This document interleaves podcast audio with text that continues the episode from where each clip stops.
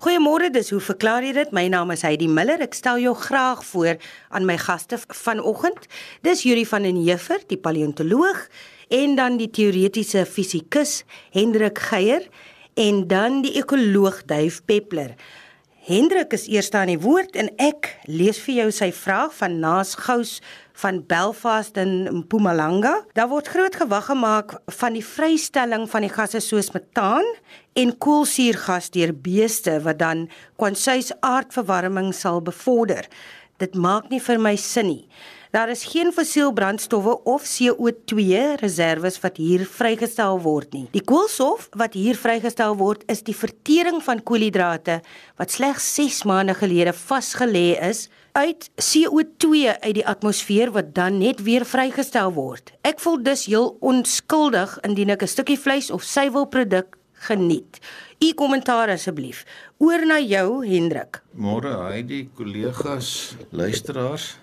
Ek is 'n bietjie op dun ys hier want hierdie klinkie vir my soos fisika of meer spesifiek teoretiese fisika nie. Ehm um, daar's wel 'n bietjie chemie in hoe ek die saak wil aanpak. So uh, met apologie aan my goeie chemie vriende sal ek nou eers begin deur na Lord Rutherford se grappie wat hy so tong in die kies gemaak het oor chemie uh, herhaal waar hy hy het naamlik gesê dat I won't say all chemistry is physics but all good chemistry is physics. So Ehm um, met daai apologie agter agter die blad, ehm um, sou ek sê nase argument behels min of meer dat uh fotosintese wat plante laat groei, uh koolsuurgas of CO2 uit die atmosfeer gebruik uh wat die beeste dan net weer terugplaas en dis dieselfde koolstof. Ek dink hy's reg daar dat daar nie eintlik sprake is van fossiel brandstowwe wat hier uh, 'n bydrae tot addisionele koolstof in die atmosfeer lewer nie. Nou om by die chemie uit te kom, fotosintese behels dat plante die vermoë het om CO2 en water, meer spesifiek 6 koolstofdioksied molekules en 6 watermolekules, dit wil sê 6 CO2, 6 H2O met die uh, hulp van sonenergie om te sit in glikose. Dit is nou C6H12O6 Dis 'n glikose molekuul en dan staan daar nou nog 12 suurstofatome oor wat in die vorm van 6 suurstofmolekules O2 vrygestel word. So dis die bekende storie dat plante koolsuurgas verwerk tot suurstof tot voordeel van almal wat van suurstof afhanklik is. So sover lyk dit vir my asof NASA argument redelik goeie argument is behalwe ek dink wat wat ons nou uit die oog verloor het sover is dat beeste en ander herkouers ook omsetters is. Ehm um, en dat die neuwe produk van hulle verteringsproses onder andere metaan behels. Metaan is CH4. So dis dieselfde koolstof wat nou teruggeplaas word in die atmosfeer, maar metaan is op 'n 20 jaar tydsskaal skynbaar 85 keer meer effektief om warmte in die atmosfeer vas te vang as CO2. Uh, eh, die syfer wat op 'n 100 jaar tydskaal aangehaal word is 'n faktor van omtrent 28 en dit het daarmee te maak dat metaan se lewe in die atmosfeer relatief tot koolsuurgas of CO2 uh, eh, relatief kort is. So metaan se tipiese lewe in die atmosfeer is omtrent 10 jaar voordat dit afgebreek word terwyl CO2 uh omtrent 80% daarvan uh deur die oseane opgeneem word in 'n tydperk van omtrent 20 tot 200 jaar en die oorige 20% kan vir 'n paar duisend jaar nog in die atmosfeer bly voortbestaan.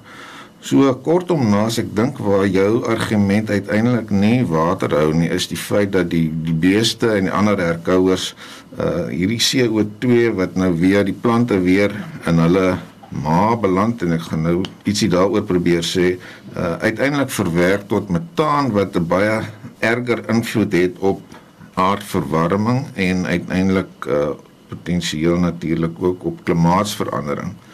So net terug by die kwessie van hoe hoe herkouers se siklus werk, um, omdat hulle redelike ruisstowwe moet verteer, uh, het hulle ontwikkel om 'n vierkamer maag te hê. Een van hulle is is die sogenaamde voormaag of rumen Uh mens kan daaraan dink as 'n soort gistenk waarin bakterieë, uh, protozoa, fungi die rustof of biomassa afbreek wat hulle inneem uh, met metaan as neuweproduk.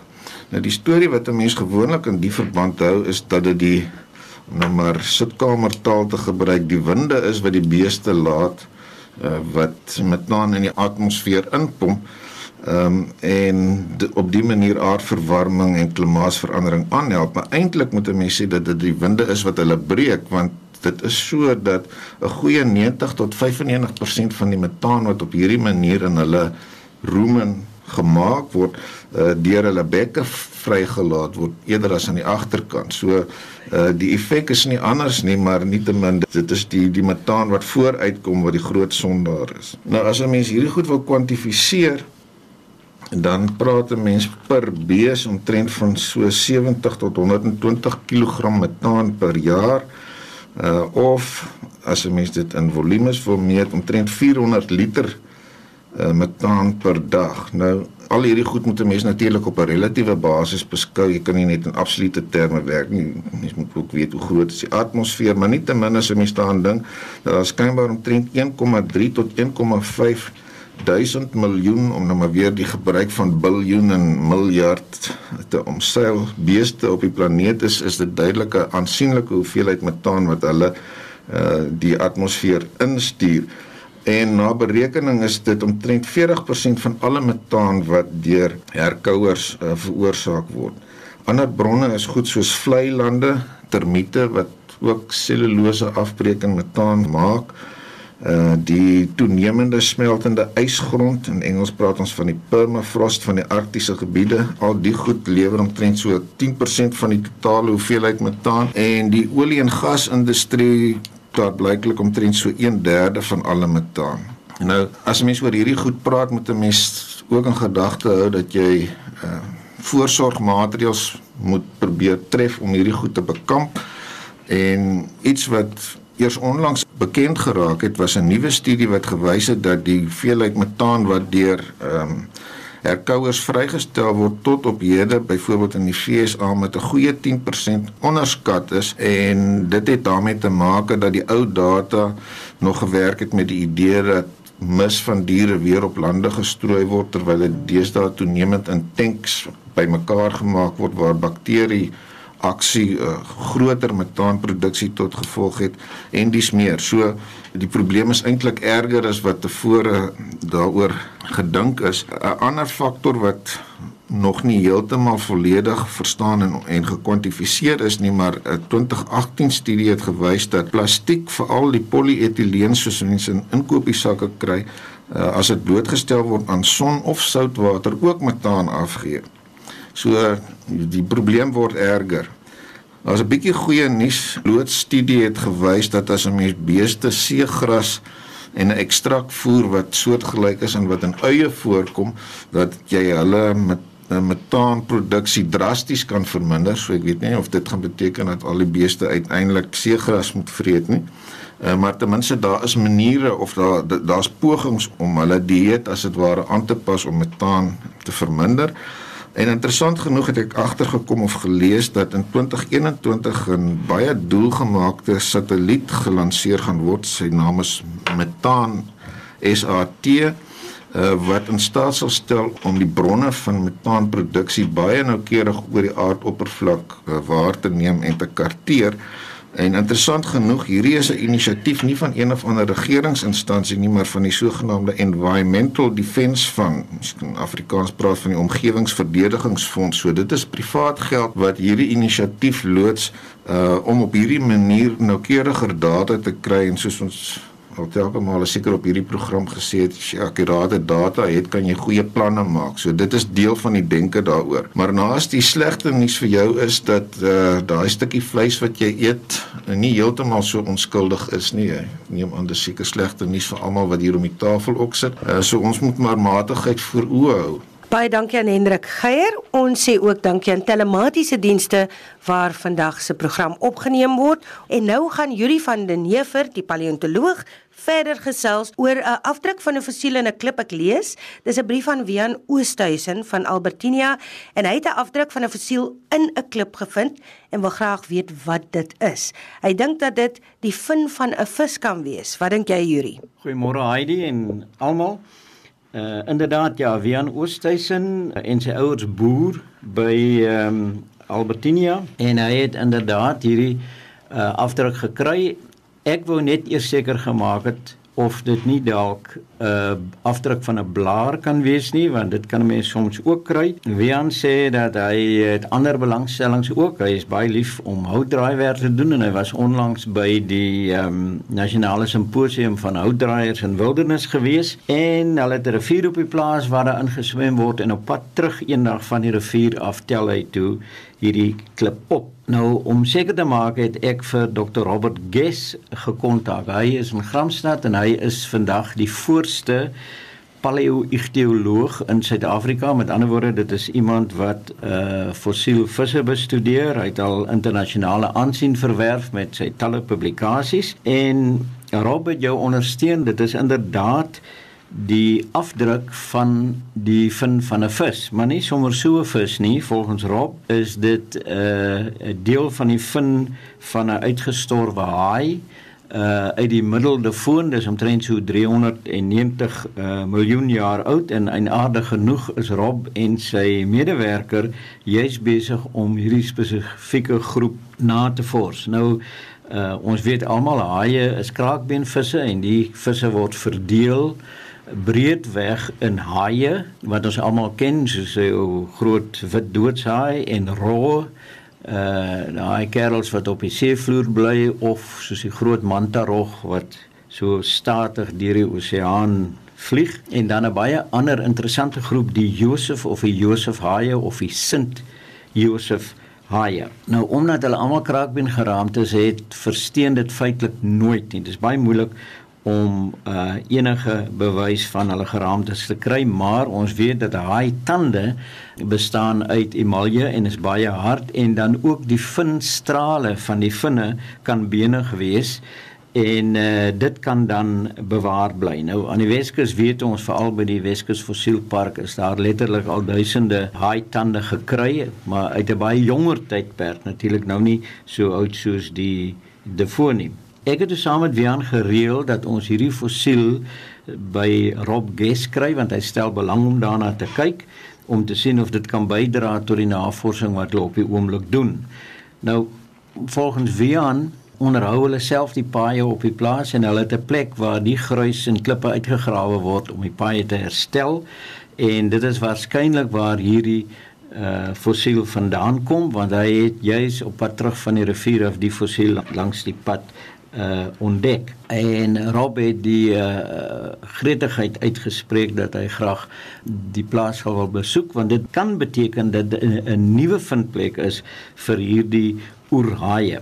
Nou Wian ek moet vir jou ook sê jy's nie die enigste oosthuisen wat al uh diepspore getrap het in die paleontologie in Suid-Afrika nie. Die bekende Omoroy oosthuisen het naby Prins Albert geboer op die plaas Swartskraal in 1980 het hy 'n hyskedel ontdek in 'n knol uh waar hy en sy seun in die veld uh, fossiele gesoek het.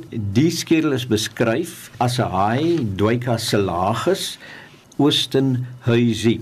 Nou op die stadium toe die fossiel beskryf is, was die tegnologie wat ons vandag het, soos hierdie tomografiese metodes, rekenaarmatige metodes nog nie bekend gewees nie en uitwendig het hierdie skedel soos die van 'n klein haatjie gelyk. Maar in 2017 was uh, Rob Guest betrokke saam met ander by uh, die tomografiese analise van hierdie skedel. Nou tomografies beteken maar net snitte teken. So die rekenaar het die vermoë om die uh, fossiel te analiseer en dan soos dwarsnitte beelde te produseer wat dan kan aan mekaar gesit word om 'n driedimensionele beeld te gee. En Dwykaselacus is interessant want dit is een van die weinige haaiskedels wat in drie dimensies gepreserveer is.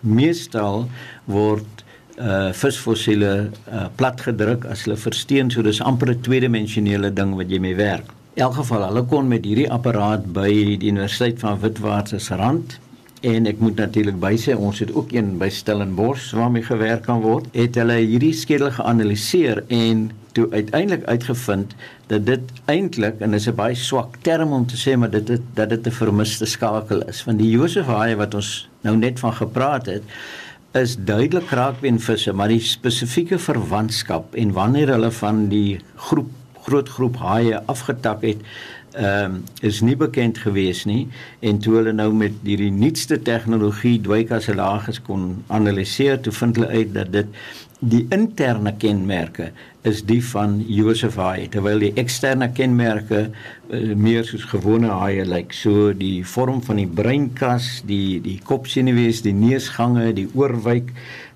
die binneoor al hierdie goed is duidelik die van Joseph haie en hulle kon toe sê dat hulle uiteindelik 'n tussenvorm ontdek het wat wys hoe die oorgang tussen wat ons as gewone haie beskou en Josef haie verteenwoordig. Nou Josef haie is baie interessant want as mens nou televisieprogramme sien van haie dan soos die groot wit doodshaai, dan sien jy altyd daar's 5 kiefsplete Sommige haie het 6 en party het miskien 7, maar dit is gewoonlik 5 en dis oop na die buitekant toe. So haie moet uh vir die grootste deel van hulle bestaan moet hulle aanhou swem om water oor die kiewe te kry. Daar is haie wat uh, in 'n in 'n rusperiode gaan, maar dan kan hulle die opening agter die oog, die die sogenaamde spiraculum, uh kan hulle dan gebruik om bietjie water te pomp. Maar haie moet noodwendig swem om water oor die kiewe te kry terwyl die Josef haai dit nie doen nie. Hulle het 'n kiefdeksel, 'n operculum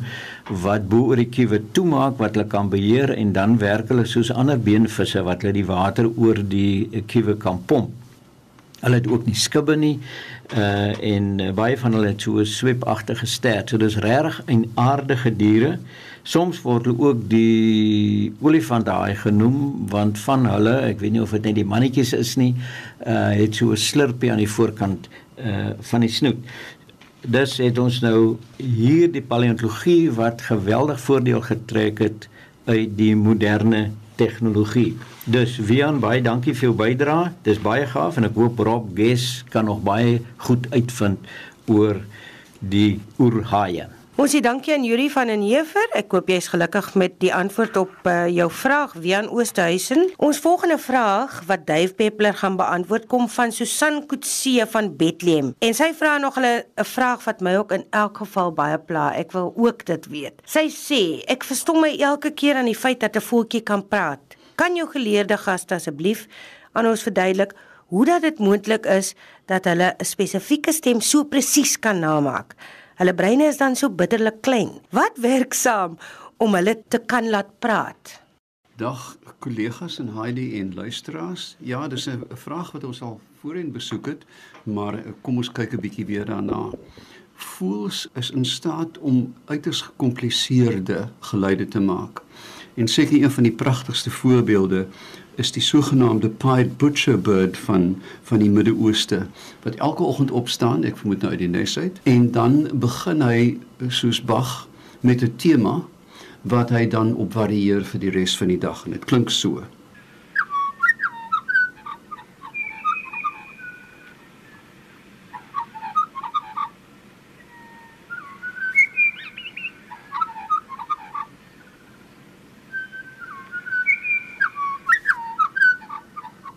Met ander woorde 'n tipiese variasie op 'n tema en dan uiteraard kan 'n mens ook hierdie voels aan sy komposisies uitken. Hulle het almal eie soortig. Uh, die een sing nou ehm um, das vol temperierte klavier en die ander een die Goldberg variasies. Dit is die stelling dat die voel op 'n daaglikse basis hierdie tema kan varieer. Ja, um, in teenstelling met um, met die beroemde blackbird van van Europa wat 'n familievaste repertorium het uh, waar jy letterlik die voël aan sy lied kan plaas in 'n dorp. So hulle weet presies waar hy vandaan kom as hy sekere liedjie sing. Die geluide kan mooi wees of lelik. Vir my een van die mooiste geluide is die van die rooi vlerkspreeu Dit klink vir my so na geluid wat onder water uitkom.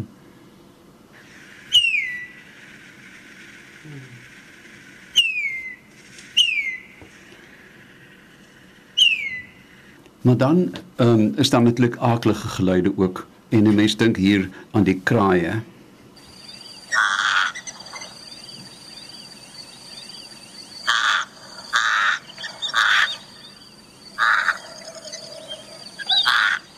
Nou ja, net 'n moeder kan so roep liefie.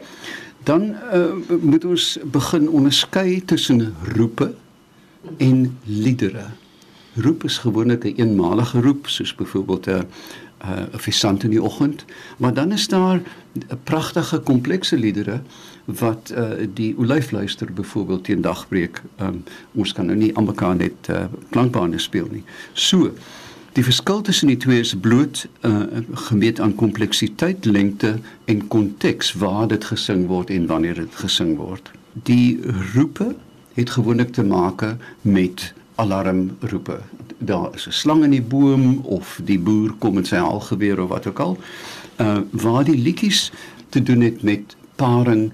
Wat ook wel interessant is, is dat voels wat in bome uh, voorkom, se roepe het heelwat hoër frekwensies as die wat op die grond voorkom. Ons weet natuurlik dat die attenuasie van hoë frekwensies is baie vinnig um, en dit word gekaats en waar lae frekwensie roepe meer gerig is alhoewel en jy kan dit oor baie groot afstande hoor. Die beste sangers kom uit die groep Passeriniformes, die voels met gryppote, uh volstruise sing nie eintlik mooi nie. En dit daar is dalk 'n baie simplistiese verband as jy in 'n tak sit kan jy verder sien en beter sing en uh so jou teenwoordigheid Eh, tentoonstel. Die meganika van voelroepe is uh, eenvoudig. Hulle het 'n uh, syrinx, nie 'n larynx nie wat 'n beenagtige orgaan aan die onderkant van die trachea waar ons stembande netlik aan die bokant sit en baie makliker vervorm.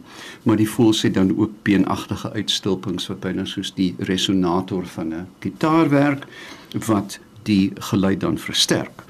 Nou, die funksies is netlik fiksheid die eerste een. Hoe harder jy kan sing, hoe fikser is jy, hoe meer gaan die die uh, dames na jou luister. Met ander woorde, volgehoude hartsang beteken ja, jy het genoeg tyd om nog te sing ook en nie net te eet nie. Dit adverteer ook dan in baie gevalle 'n territorium wat bepaal dat hierdie sanger in 'n sekere afgebaande gebied, 'n paringsgebied bly dan die soos ons voorheen gesê die alarmroepe natuurlik as daar 'n slang is dan het voel sekere geluide wat hulle maak en dan ook die pragtige duette wat ons so met bokmakkeries en uile kry.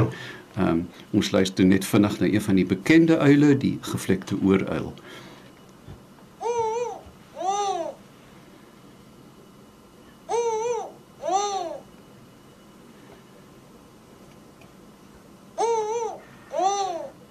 En as jy nou fyn geluister het in die agtergrond is daar ek vermoed hierdie was 'n mannetjie, 'n wyfie wat dan hierdie roep mimiek en so versterk die die verbinding tussen hulle. Nou, ehm um, hoekom sou voels dan enigsins ander voels namaak of ander geluide? Nou, die van julle wat in in voorstede bly sal weet dat olyfluisters motoralarms uh, naboots telefoongeluide um, en dan natuurlik is daar die die fabelagtige nabootsers veral die papegaaie en die Indiese myna wat letterlik honderde geluide kan namaak. Weereens um, in in gewoonlik in gevangenskap is dit baie meer prominent want diere in gevangenskap wat nie gelukkig in 'n in 'n paar groepe bly nie is onderhewig aan verplasingsaktiwiteit displacement activity. Dis hoekom hulle hulle vere uittrek en naboots. Um, dis eintlik eh, in in baie gevalle die teken van 'n ongelukkige dier as hulle so begin naboots. So weer eens 'n nabootsing wil die dier vir my sê ek is baie fiks. Ek het nie eintlik net my eie uh, liedjieboek nie, maar ek gebruik ook andersins. Dit help natuurlik in sommige gevalle met uh, nesparasitisme dat as jy die regte geluide kan naboots, dan kan jy baie makliker 'n eier lê in 'n uh, onskuldige uh, prooi se nes. Dit, dit is ook interessant dat baie boomholte nesmakers het ehm um, die vermoë ontwikkel om soos 'n slang te sis. Die oomblik as jy jou hand insit, dan dink jy, "O, genade, hier's 'n slang," maar as dit eintlik net die inwonende voel. So, die nabootsing het eintlik niks te doen met indrukwek nie. Dit het het te doen met 'n baie spesifieke omgewing, 'n baie spesifieke konteks en natuurlik 'n baie spesifieke voel. Een van die verstommendste op aarde is 'n Kisi, 'n papegaai, ek dink dis in Cincinnati, wat nou al 950 woorde baas geraak het. Maar nie net woorde nie, maar ook sintaks. Dat jy sê gee groot geel pisang. Uh, ek dink hy sê asseblief nie. Een van die wonderbaarlikste voorbeelde van die kompleksiteit van hierdie taal en ook die akkuïteit van hierdie voels is en dit is werklik gedokumenteer toe Jane Goodall in 'n stadium daar kom kuier het vir die eerste keer, het sy ingestap en in Kiesie het gesê, "Got a chimp?" Mens kan jou vergryp aan die onderliggende intelligensie, selfs met so 'n klein brein. Kraaie, papegaaie wat ons lewe eintlik mateloos verryk met hulle nabootsings. Baie dankie Dave Peppler, ook aan ons ander twee gaste, Yuri van den Heever en Hendrik Geier. Dankie telematiese dienste aan die Universiteit van Stellenbosch. Ons gesels weer aanstaande week oor die vrae wat jou pla. Lekker Sondag verder.